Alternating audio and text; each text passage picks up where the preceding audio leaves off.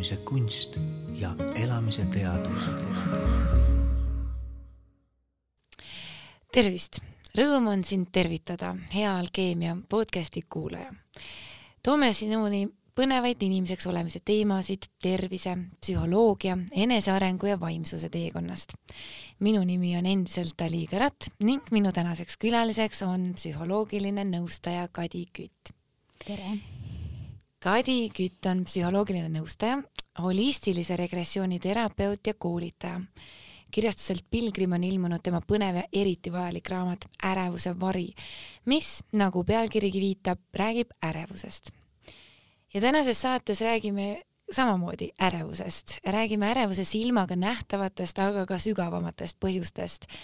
kirjeldame ärevusega töötamise viise ja uurime võtteid, mida kuulaja saab iseseisvalt rakendada, et end sellest kurnavast ärevusest tervendada. tere, Kati! tere, tere! me siin äh, vahetult enne saate alustamist äh, rääkisime, et et see ärevus on äh, tegelikult palju rohkem levinud, kui kui me võib-olla oleme kuulnud ja tegelikult ka ise tahtnud endale tunnistada.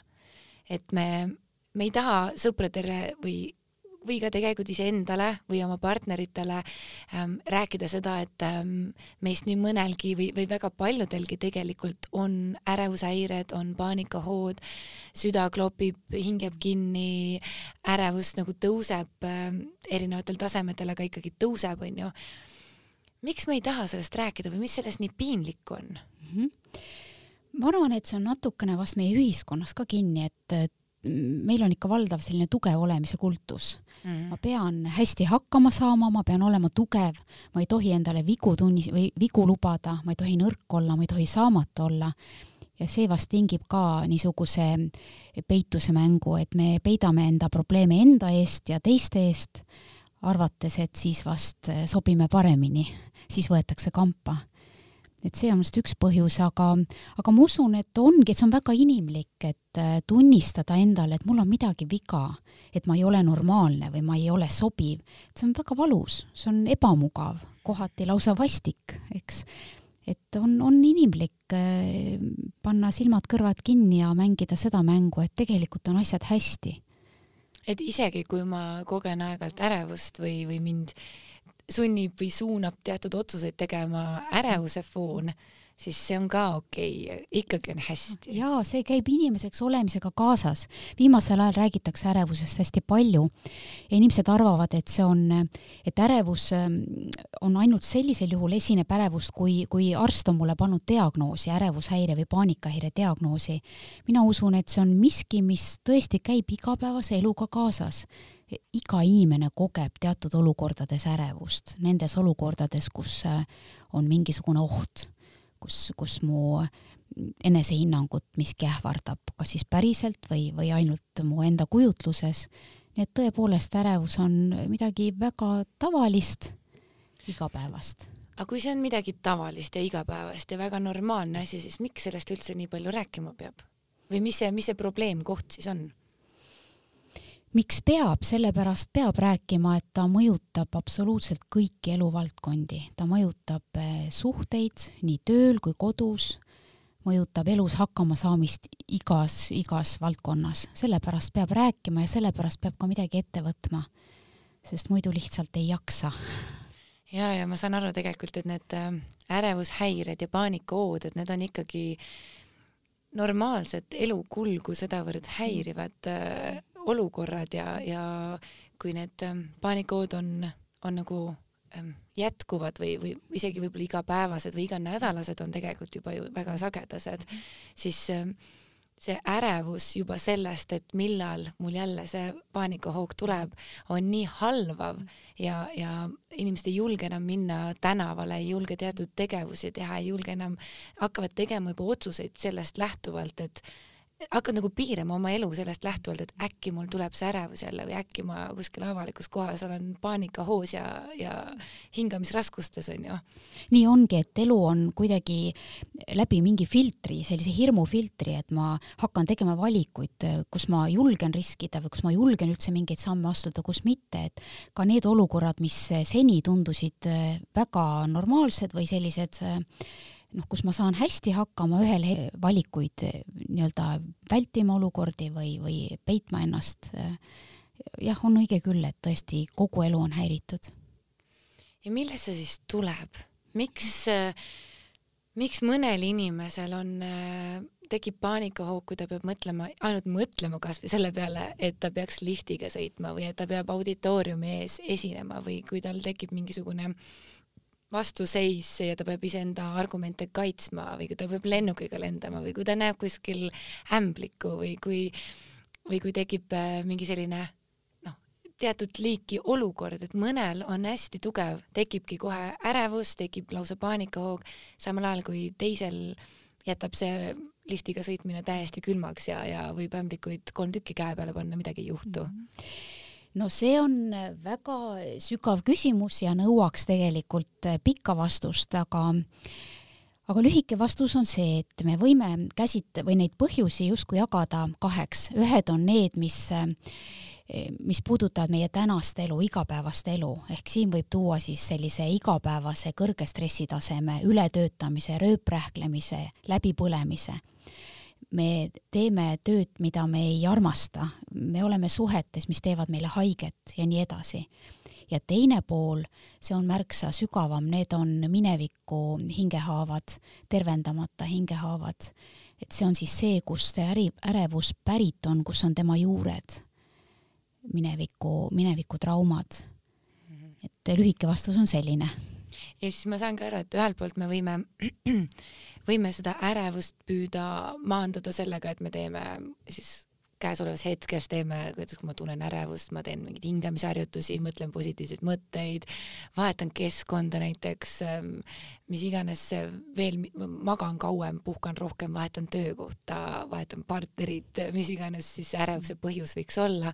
aga sa, kas ma saan õigesti aru, et, et kui ärevuse sügavamad põhjused on pärit lapsepõlvest või minevikust, siis tegelikult ei ole vahet, kas ja kui palju ma käesolevas hetkes või nii-öelda siis olevikus seda rahu püüan saada, kui ma ikkagi ei vaata otsa nendele ärevuse põhjustele, mis sealt kaugest minevikust tulevad, siis see, siis see ärevus ikkagi lõplikult ära ei lähe jah, minu terapeudi kogemus ütleb küll seda, et, et selline ainult tänaste põhjustega töötamine on poolik variant, on kindlasti vajalik, kindlasti kõik need asjad, mis sa välja tõid, eks, et vaadata otsa tõsiselt oma partnerlussuhtele ja tööle ja kõigele, aga, aga siiski oleks vaja vaadata minevikku ka selleks, et terveneda. on väga suur vahe, kas ma tunnen ennast enam-vähem okeilt, nii et ma tulen oma igapäevase eluga nii toime, et et ma noh, ei kokku ei kukuks keerulistes olukordades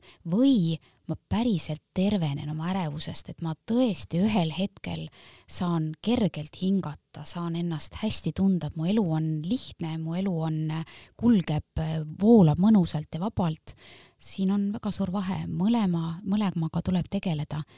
aga ma tahaks ühte asja juurde siia öelda, et sa ütlesid nii, et et see esimene pool, selle igapäevaeluga tegelemine, et, et sellega tuleks tegeleda siis, kui juba oled ärev.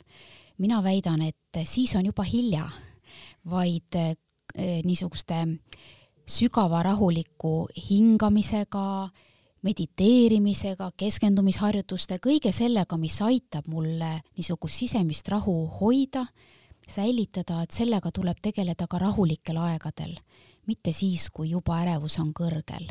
et see võiks kuuluda igapäevasesse ellu, kõik niisugused praktikad, mis aitavad rahu hoida.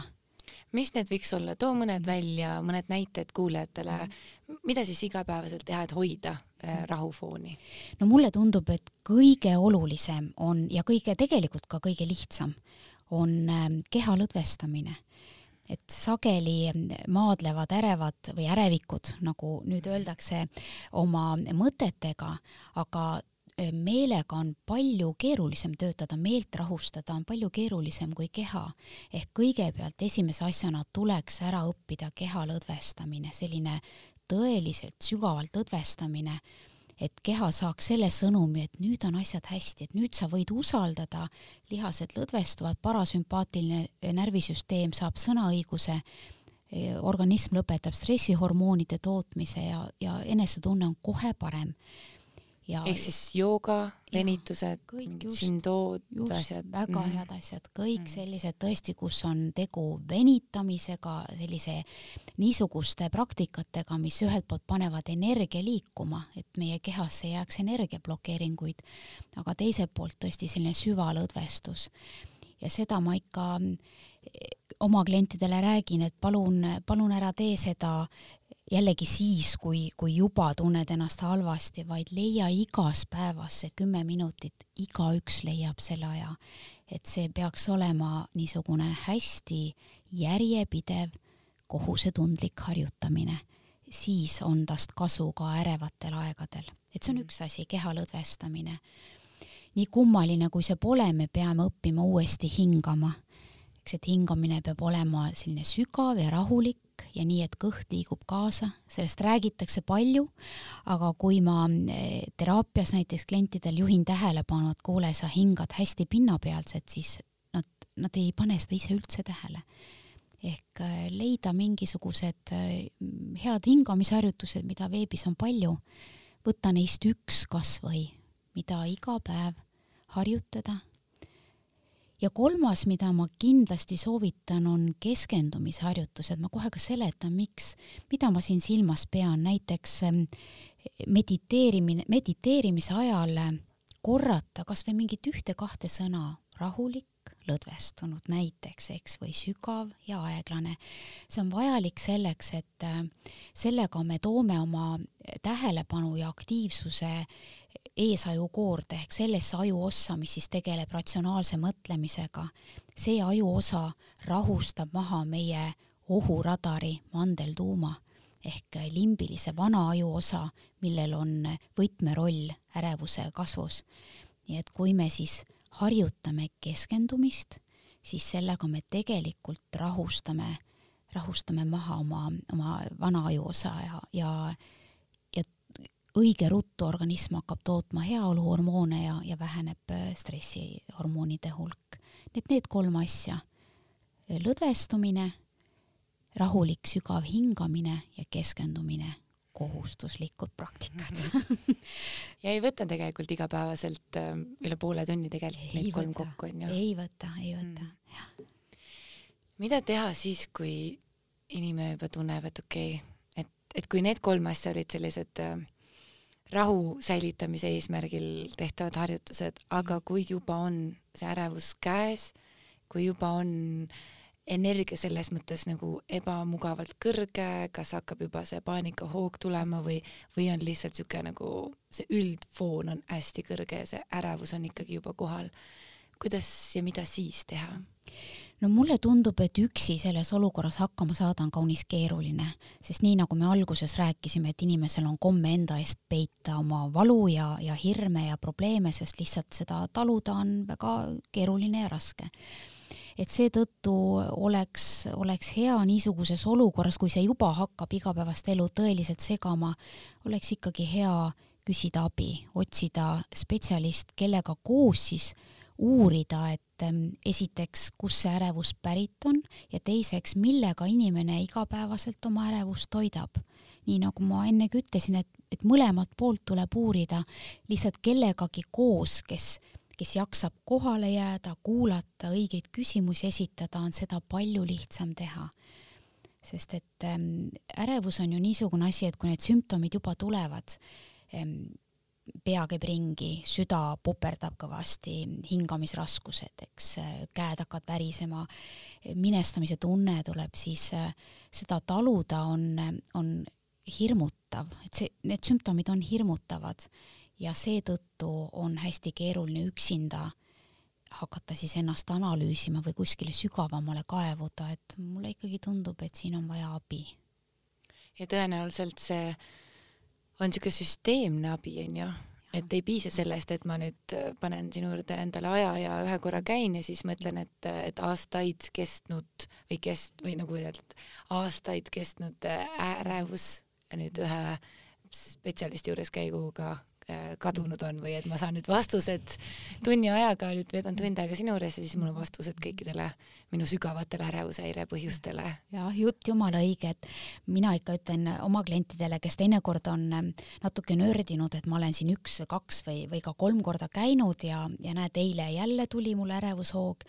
et äh, kui me räägime sellest, et ärevuse juured on minevikus, siis suure tõenäosusega on see ärevus vaikselt äh, nii-öelda jõudu kogunud aastakümneid juba, siis on naiivne oodata, et et me päeva või nädalaga sellest terveneme, et ees seisab suur töö. Õnneks ei tähenda see aastakümneid teraapias käimist, vaid kui põhjused on enam-vähem selged, mingi suund on teraapiast kätte saadud, siis inimene saab ise väga palju teha.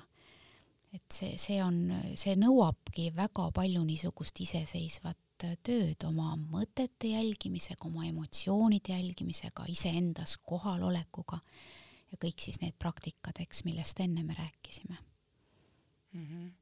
ma olen ise ka tegelikult äh, paar korda äh, paanikahoogu läbi kogenud äh,. mäletan, et ühe korra oli see seotud äh, mingi nagu südamevaluga, nagu füüsilise valuga, et mul äh, lõi kas siis sinna südamepiirkonda hästi tugevaid valusid ja see valu ja mõte pigem, et midagi tõsist on lahti, kuigi ma olen alles nii noor inimene, siis see mõte tekitas täiesti sellise paanikahoo, et äh, jah, isegi täitsa vist käisin kiirabis mm. -hmm.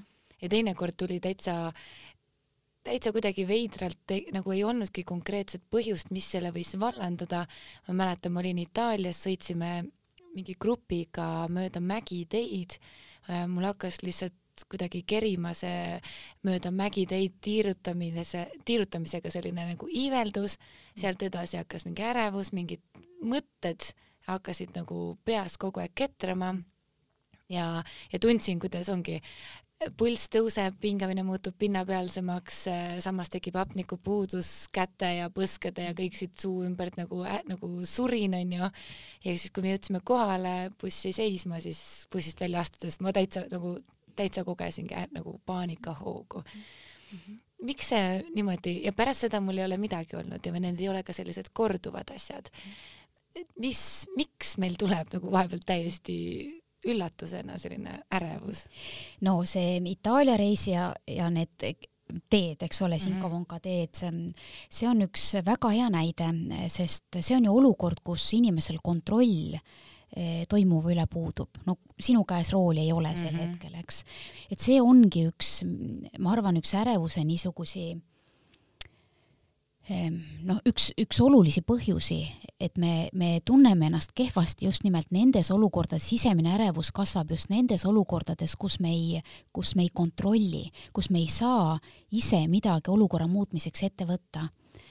ja siin on lahenduseks eneseusaldus, maailma usaldamine, selline üldine baasiline usaldamine, et ma suudan seal bussis näiteks lasta ennast lõdvaks ja öelda, et saagu mis saab, et ma loodan, et see bussijuht ähm, on pädev ja, ja tuleb toime. ja vot jälle jõuame sellesamani, millest enne rääkisime, et äh, seal bussis olles on väga keeruline hakata lõdvestamist harjutama et sa suudad sellistes olukordades ennast lõdvaks lasta siis, kui sa oled seda väga palju enne rahulikes olukordades harjutanud. ja mitte ainult siis keha lõdvestamist, vaid sellist noh, lahtilaskmist või usaldamist. sama, sama on ju lennusõiduga, et no kui palju siis meist endist sõltub, kui me istume seal mingi kaheteistkümnes rida A koht, eks no ei, ei sõltu midagi. aga et ma et ma nendes õhuaukudes olles nagu lasen lõdvaks ja ütlen, et ehm, praegu on nii, praegu on nii ja ma kardan, muidugi ma kardan, aga praegu on nii, ma ei saa mitte midagi teha. ainukene, mis on minu võimuses, lõdvestuda ja usaldada, et asjad lähevad parimal moel. aga see tundub lihtne usaldamine on midagi, mida mulle tundub, et tuleb õppida kogu elu. elu õnneks annab peaaegu iga päev meile võimalus seda õppida, võtame või koroona, eks mm. -hmm. ideaalne võimalus õppida praegu usaldamist. ei sina ega mina ei saa selleks, et koroona kaoks, suurt midagi teha küll aga tuleb meil äh, hakkama saada selles olukorras. me peame, me peame vaimselt terveks jääma. tuleb mm -hmm. õppida usaldamist me ei tea, miks see on, miks see nii on läinud või, või mis ta meiega lõpuks teeb, eks. õppida usaldamist, lõdvestamist ja toimetulekut mm. -hmm. ja, ja just ongi see, et, et, et kuigi palju on ju juttu igasugusest ongi sellest meelerahust ja meditatsioonist ja mind, mindfulness'ist ja sellest ja samal ajal tuleb uudistes kakskümmend neli seitse pidevat sellist hirmufooni, kuidas see ohtlik viirus ja kohutav pandeemia ja inimesed surevad ja kõik see, pluss kõik need reeglid ja piirangud, mis meile praegu on ju peale pandud ja ja need kõik tekitavad alateadlikult omakorda pinget ja ärevust ja frustratsiooni. Kuidas siis sellisest hirmust laetus infoväljas leida endasse tugevus, leida endasse siuke pealehakkamine, et, et üldse nii-öelda hakata tegema mingisuguseid ähm, ärevust vähendavaid praktikaid täpselt needsamad asjad ikka mm. jälle, millest enne juttu oli, eks, mis aitavad äh, kehal selle võitle, põgene stressi nii-öelda häirereaktsiooniga toime tulla, et lõdvestamine, rahulik hingamine, et praegu on need väga vajalikud praktikad kas seal on ka mingisugune selline ähm,, tihtipeale on inimestel esimese sammu tegemine hästi raske mm, -hmm. et näiteks nad kuulavad meie saadet siin, märkavad, et okei okay,, et ükskõik, kas mul juba on ärevushäired või veel ei ole, saan aru, et peaksin hakkama tegema. kui me oleme rahuseisundis, siis on kerge hakata tegema neid asju ähm,. aga kui juba on ärevus kõrge, siis võib selle esimese sammu tegemine olla ikkagi suhteliselt ähm, nagu energiat võtta. kas siin on ka mingisugust ähm, äh, nõuannet sul jagada, et kuidas inimesed siis jõuaksid selleni, et nad juba teeksid, mitte, mitte ainult ei ka, nagu ähm, kustutaks tulekahju, vaid püüaksid fundamentaalselt, et saaksid juba ennast rohkem reele mm,? soovitus väga lihtne, hakka tegema mm. et siin, ega siin muud ei olegi, et on valik, kas, kas sa asud tegudele võtad ennast kokku ja, ja teed enda heaks midagi või sa kannatad ja, ja muid valikuid ei ole mm. siin ei ole mingit imenippi, mis ilma, et ma peaksin ise pingutama, ilma, et ma peaks seda, ma olen nõus, et see esimene samm on alati väga keeruline, eks. Et ilma, et ma nagu peaksin ise midagi tegema, et on mingisugune imenipp, mis mind päästab. ei ole. hoolimata sellest, et see on raske, tuleb, tuleb alustada jah, ja see usaldus vist on ka oluline märksõna, et, et kasvõi näiteks ma ise, ise lihtsalt isiklikult praegult mõtlen, et see esimene samm võiks olla ka see, et ma näiteks ähm, jagan oma lähedastega seda, et ma kogen ärevust. just nimelt. Üksi ongi sellega väga keeruline toime tulla, et see on väga õige, mis sa praegu ütlesid, et, et ma jagan kellegagi, et ma, et ma otsin enda ümber inimesi, kes on toetavad, kes, kes tõepoolest jaksavad kohale jääda, kes kes, kes mind aitavad, mitte ei materda, mitte ei naeruväärista. Mm.. et see on kõikide puhul, kes mis tahes probleemi, on see siis füüsiline või vaimne probleem, käes vaevlevad, on see vast jah, üks esimesi samme, et ma, ma kogun enda ümber inimesi, kes, kes toetavad. sest paljudes ütleme, kriisiolukordades või, või sellistes äh, kogedes midagi, mis ei pruugi olla meie mõistuse järgi normaalne, inimesed sageli arvavad, et ma olen ainuke, kes seda kogeb. jaa, nii ongi. E, neid, nendes ärevust käsitlevates raamatutes tuleb hästi e, toredalt välja see, kuidas kuidas siis kliendid ütlevad psühhoterapeudile, et ma suren ära, kui ma peaksin kellelegi sellest e, kõssama, et mul on käed värisevad või süda puperdab ja kui siis terapeut ütleb, et sa ei pääse, et sa noh, mida rohkem sa varjad, seda, seda kõrgemale su ärevus tõuseb, et mine ja vali lihtsalt keegi välja, mine räägi. ja siis, kuidas need kliendid tulevad tagasi, ütlevad, et, et ma koosolekul näiteks eh, ütlesin, et teate, ma tahaks alustuseks öelda midagi, et mul on küll väga halb seda välja öelda, aga et, et mul on ärevushäire ja kuidas siis harilikult tõuseb üks käsi ja teine ja kümnest kaheksa tõstab käe ja ütleb, et mul on seesama häda. ja ma olen oma klientide suust sedasama kuulnud, et millegipärast ähm, on meil kalduvus inimesena mõelda, et, et mina olen see kõige kehvem või et teistel kõigil on paremini. noh, ei, ei ole, igaüks maadleb omal viisil ja, ja nii nagu korduvalt olen öelnud, et eks sellised probleemid, vaimsed probleemid käivad elamisega ja inimeseks olemisega kaasas. Need on miski, millega me, millega me siin peaaegu et kõik maadleme ühel või teisel moel. et juba sellepärast tasub, tasub äh, välja öelda kõva häälega, juba on palju kergem ja siis ma saan aru, kas ma saan õigesti aru tegelikult, et äh, ärevushäire, ei tähenda seda, et ma kogen reaalset paanikahoogu, vaid et tegelikult ärevushäire alla läheb või, või kui ma saan juba öelda välja, et ma, ma kogen, et mul on ärevus, on, et mul ei pea olema see, see paanikahoog, vaid juba tegelikult, äh, et seal on nagu neid vaheetappe veel või neid nii-öelda tugevusi mhm. nii-öelda? ma ei tea, kuidas meditsiin tänapäeval käsitleb, et ähm, kas, ähm, kas loetakse siis ärevuseks seda, kui juba on diagnoos pandud aga minu juurde satub küll neid inimesi, kes ei ole selle probleemiga psühhiaatri või, või ütleme, perearsti juurde või kliinilise psühholoogi juurde jõudnud, küll aga on nende elu häiritud. ükskõik, kuidas nad oskavad seda sõnastada, et mu stressitase on kõrge või, või mu süda taob või ma olen väsinud või ma olen õnnetu, mul läheb kogu aeg nutma, noh, igal juhul on sisemise ärevuse tase juba eh, liialt kõrge ja siis tasub hakata tegelema nii et kindlasti on neid tasemeid väga palju küsimus on, kuidas ära tunda, et kas, kas see juba segab mu elu, kas see juba paneb mind, nii nagu enne rääkisin, läbi mingisuguse filtri elule vaatama ja otsuseid tegema, et kui on nii, siis tasub abi otsida mm. -hmm. kas tegemist on millegagi, mis on kogu aeg olnud või on see viimaste aastatega populaarsemaks muutunud? kindlasti on ta kogu aeg olnud, sest et eh, ajast aega on ju inimene sattunud eluteel olukordadesse, mida ta ei kontrolli või kus, mis on tõeliselt ohtlikud. noh, hästi sageli tuuakse siin näide, kuidas eh, aegu tagasi tuli lõvi eest põgeneda või, või eh, mingisuguse vaenuliku naabersuguharu eest põgeneda, eks, või võidelda aga, aga tänapäeva inimestel on vast ähm, selliseid varjatud ärevuse allikaid rohkem.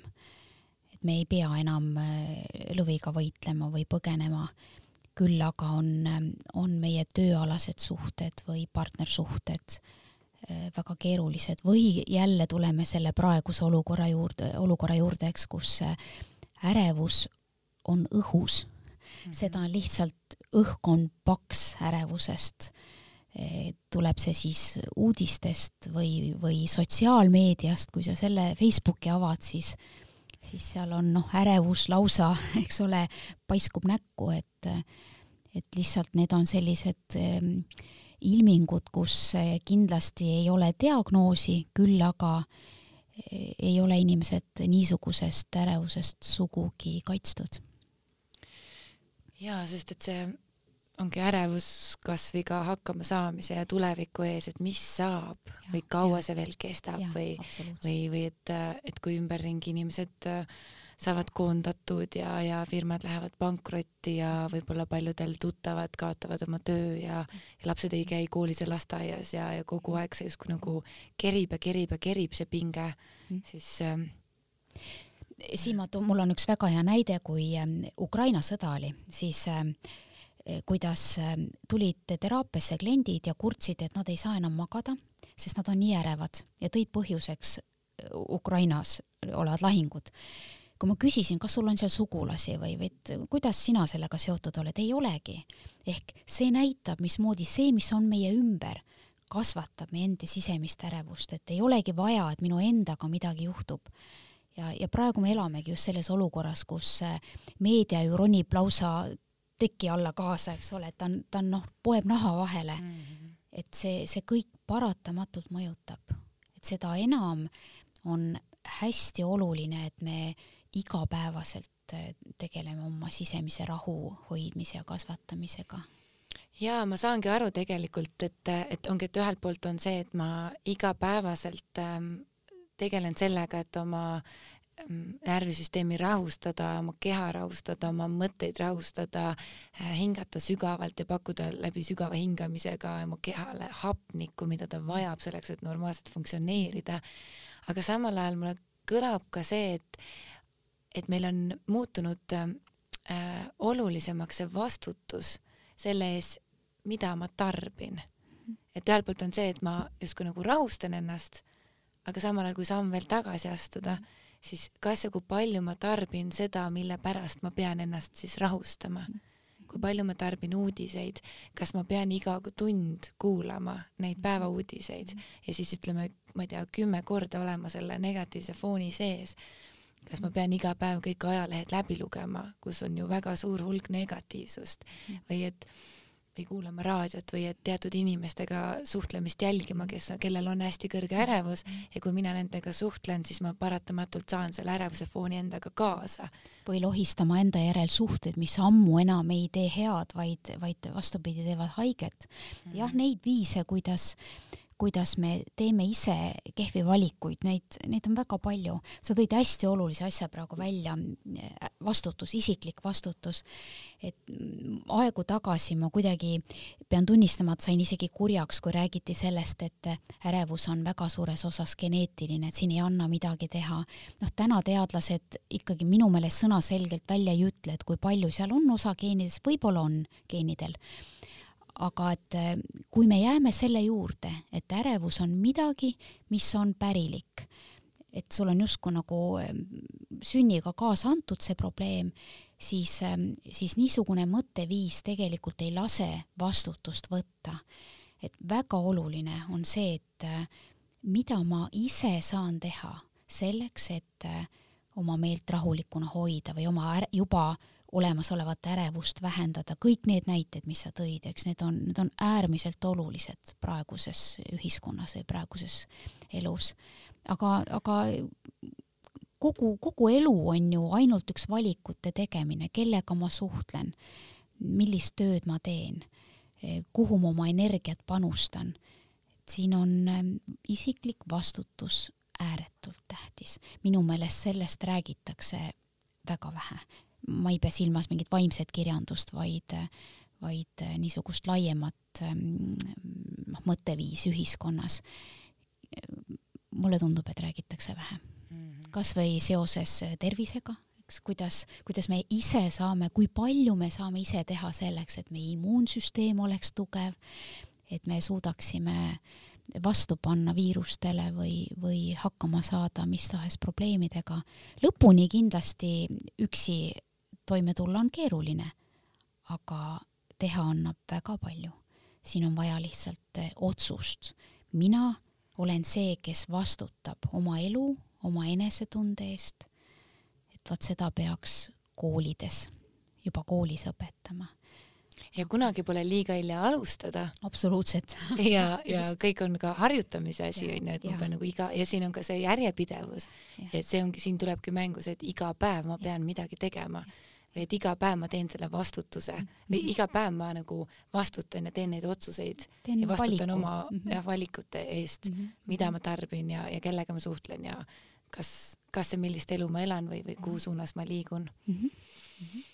ja, ja mulle tundub, et oluline on nagu öelda ka sedasi ähm,, äh, et äh, ärevus ei ole midagi, millega me peame ähm, nagu äh, millega me peame leppima või mis on niisugune paratamatu, et ongi geenidega kaasa saadud ja, ja et ma pean või on närvisüsteem vigane, nagu, nagu ja, öeldakse. ja et mul on midagi viga, ma pean, et ma olengi selline, vaid et see on haigus, millest on võimalik ennast ravida terveks. jah, absoluutselt.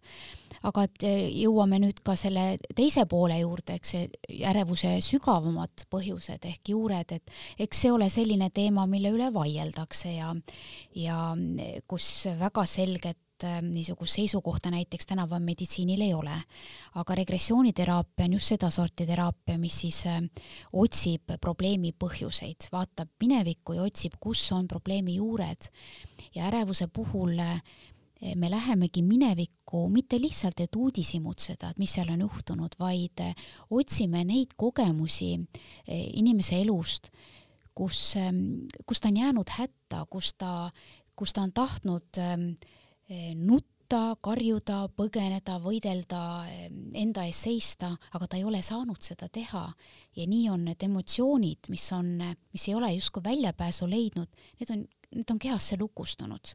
et eh, räägitakse kehamälust või rakumälust, et see, see kõik istub meie sees ja, ja täpselt samamoodi mõjutab meie igapäevaseid otsuseid. et kui ma elan või kui inimene elab pikalt koos isaga, kes, kes on äkkvihaga ja kes on varmas väikeste asjade eest karistama, siis loomulikult ka täiskasvanuna liigub ta läbi elu hästi ettevaatlikult ja, ja, ja on, on valmis sellisteks olukordadeks või kardab selliseid olukordi, selliseid inimesi, et ma saan jälle karistada, jälle juhtub seesama. ehk küsimus ei ole nendes tänastes inimestes tema ümber. Küsimus ei ole ka mitte tänases temas, täiskasvanud inimene ometigi ju saab enda eest seista, saab suu lahti teha, öelda, et kuule, ära karju mu peale või et ära käitu minuga nii, mulle see ei sobi. aga, aga kui ärevus on hästi kõrgel ja kui tema sees on kõik need vanad kogemused lahendamata, siis, siis tänases, tänastes olukordades ei ole ta mitte see täiskasvanu, vaid ta on nagu see toonane väikene laps, kes kardab äh, karistada saada, kes kardab, et ta jälle ei sobi, ta jälle tegi midagi valesti. et nii kui tek-, et muidu on täiskasvanud inimene, aga nii kui tekib mingi sarnane olukord, mis tal oli siis, kui ta oli väike, siis ta regresseerub tagasi lapseks, ei käitu mitte täiskasvanuna, vaid hoopis lapse rollist lähtuvalt. Et terapeute õpetataksegi küsima, et kui, kui vana see see vastas olev klient praegu emotsionaalselt on, et kui ta nendest asjadest räägib või kui ta sinna olukorda regresseerub, et kui vana ta emotsionaalselt on. ja ongi võimalik, et, et tegelikult istub vastas neljakümneaastane, aga sellel hetkel on tegu kuueaastasega, kes jonnib või tardub või põgeneb või, või noh, teeb kõik, et, et lihtsalt kuidagi selles olukorras toime tulla, et kuidagi elama jääda, noh, me ei saa siis ju oodata, et ta teeb suu lahti ja ütleb, et halloo, ära käitu minuga nii mm. -hmm hästi minu arust levinud näide antud juhul võiks olla näiteks see, et äh, miks paljudel on esinemishirm, ongi see, et seal neli, viis, kuus, seitse esimesed esinemiskogemused, mis meil lasteaias või, või kooli alguses on, on lõppenud kas kellegi naerupahvatuse või, või mingisuguse kommentaariga, mis on jäänud meile kehasse mhm. läbi keharaku mälu kandab kannab meid läbi elu ja siis see neljakümne aastane ähm, ettevõtte juht mõtleb, et nagu muidu olen nii nagu normaalne mees, aga vaat kui ma pean kuskil nõukogu ees esitlema uut äh, ettevõtte suunda, siis, siis ta regresseerub selleks viieaastaseks poisiks, kes kellele öeldi midagi halvasti, kui ta lasteaias luuletust ette luges, onju. et midagi on selles olukorras sellist, mis meenutab neid lapsepõlve olukordi, ohuradar, mandeltuum limbilises ajus hakkab häiret lööma, keha hakkab tootma stressihormooni ja nii lihtne see ongi. see mõtlev ajuosa, mis siis peaks nii-öelda tasakaalustama emotsioone või mis peaks, mille abil me saaksime ennast rahustada, see on praktiliselt emotsioonide poolt kaaperdatud ja, ja istumegi selles samas lõksus, kus olime lapsepõlves, kogu keha on eh, halvatud, eks ainukene mõte peas, saaks ma juba siit ära, see kõik on nii õudne, siia ma suren ja täpselt nii selline protsess inimese sees toimubki. ja siis on väga kerge sellel äh, siuksel ärevusel üle minna paanikahoogs, ähm, tuues kaasa hingamisraskused, kõik mhm. äh, värinad, mhm. kõik need asjad. Mhm. kõlab nii loogiliselt. Ja, sellisel juhul ei aita enam, kui ma, kui ma lihtsalt ütlen endale, et kuule, rahune maha, sa ei sure ära siia või et nad ei söö sind ära, see publik, eks. et lihtsalt hinga sügavalt. vaid et äh, siis tulebki ikkagi juba äh, sügavamat tööd teha minna nii nagu regressiooniteraapias me läheme rännakul uurima, millised olukorrad need on, mitte, mitte otsima kõiki neid olukordi, vaid mingit tüüpolukorda, et teada saada, kuidas konkreetne inimene lapsena eh, käitus selles olukorras, millised emotsioonid ta endasse lukustas, mis siis suure tõenäosusega ikka veel ta kehas pesitsevad ja, ja teda mõjutavad. ja kui siis eh, rännakul äh, pääseme nendele emotsioonidele ligi, siis emotsioon on energia, me, me vabastame selle, selle lõksu jäänud energia. Ja see toob siis kaasa selle, et, et ma täiskasvanuna taolistes olukordades enam ei, ei kuku sinna lapse tasemele, et mõistusega saan küll aru, et ahaa, siin on oht lolliks jääda, aga mu keha jääb enam-vähem rahulikuks, mu aju ei ole emotsioonide poolt kaaperdatud, ma ei ole halvatud, eks, vaid et ma hoolimata mõningasest hirmust ja ärevusest tulen siiski toime sest ma tean, et tänane mina jaksab kohale jääda, jaksab äh, ka vigadega toime tulla ja, ja põrumisega toime tulla. ja, ja siin vist on jah, kõik on harjutamise küsimus, et miski ei tule üleöö. ei, absoluutselt. Mm. teadlikkus on hästi tähtis, et ma, et ma uurin ja, ja proovin endale selgeks teha, et kus on, kus on minu ärevuse juured ja siis ma juba oskan sellega midagi peale hakata. ja lisaks muidugi jälle needsamad praktikad, eks, millest oleme täna palju rääkinud uh. -huh. väga põnev, väga huvitav ja see ärevus muutub kuidagi palju nagu loogilisemaks -hmm. kui seda niimoodi lahti seletada, et miks see tekib ja kuidas sellest lahti saada. Ja kokkuvõtteks ma uurin sinult, Kadi, et millised võiksid olla sinu kolm elutarkuse tera mida sa näiteks ärevuse võtmes võiksid meie kuulajatele kaasa anda mm? -hmm. ma arvan, et me neist kõigist vist juba rääkisime, üks on isiklik vastutus. et me ikka igaüks vastutame ise oma õnne ja, ja hakkamasaamise ja tervise eest. Keegi teine seda meie eest teha ei saa. teine märksõna on siin usaldus ehk sellega tuleb tööd teha, me räägime alustuseks eneseusaldusest, et ma teen nii palju oma enesehinnangu ja iseendaga tööd eneseteadvustamisega, et ma, et ma usaldan ennast, mis iganes olukordadesse ma satun ma saan ennast usaldada, et ma saan jalad tugevasti vastu maad suruda, selja sirgeks lükata ja öelda, et aga mina saan hakkama. ma annan endast parima ja sellest piisab kolmas, mis võiks olla kolmas? Rohkem leppimist ja vähem võitlust, sellest me täna ei ole rääkinud, aga ärevust toidab tohutult sisemine võitlus, asjad peaks olema teisiti, kui nad on, ma ei peaks olema ärev, ma ei peaks ennast halvasti tundma, seda koroonat ei peaks olema. asjad on nii, nagu nad on, praegu on nii. ja kui ma lepin sellega, mis on, lõdvestun, hingan rahulikult ja sügavalt välja siis alles saan ma hakata usaldama ja siis alles saan ma hakata midagi ette võtma. et leppimine ei ole kindlasti selline eh, käed rüppes istumine, vaid leppimine tähendab seda, et ma, ma lõpetan vastuseisu enda sees, lõpetan võitlemise nende asjade vastu, millega mul ei ole midagi teha. lepin ja seejärel saan, muutun rahulikumaks ja siis alles saan küsida endalt mida ma saan teha praeguses olukorras, mida ma saan enda aitamiseks teha. Ma arvan, need on kolm kõige olulisemat asja. aitäh! võta heaks aitäh selle vestluse eest, see oli, ma arvan, et lisaks minule ka ja kõikidele kuulajatele väga avardav silm, silmaringi avardav vestlus just sellele ärevuse teemal. ja aitäh ma loodan ja usun, et ka kuulajad ja nautisid seda põnevat aega Alkeemia podcasti seltsis. Kadi Küti raamatut Ärevuse vari leiate Pilgrimi kodulehelt www.pilgrim.ee ja meie sinuga kohtume juba järgmises Alkeemia podcasti saates.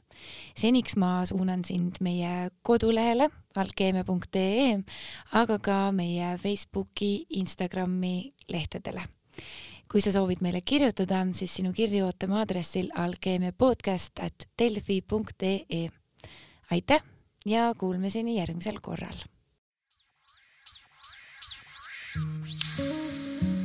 alkeemia, muutumise kunst ja elamise teadus.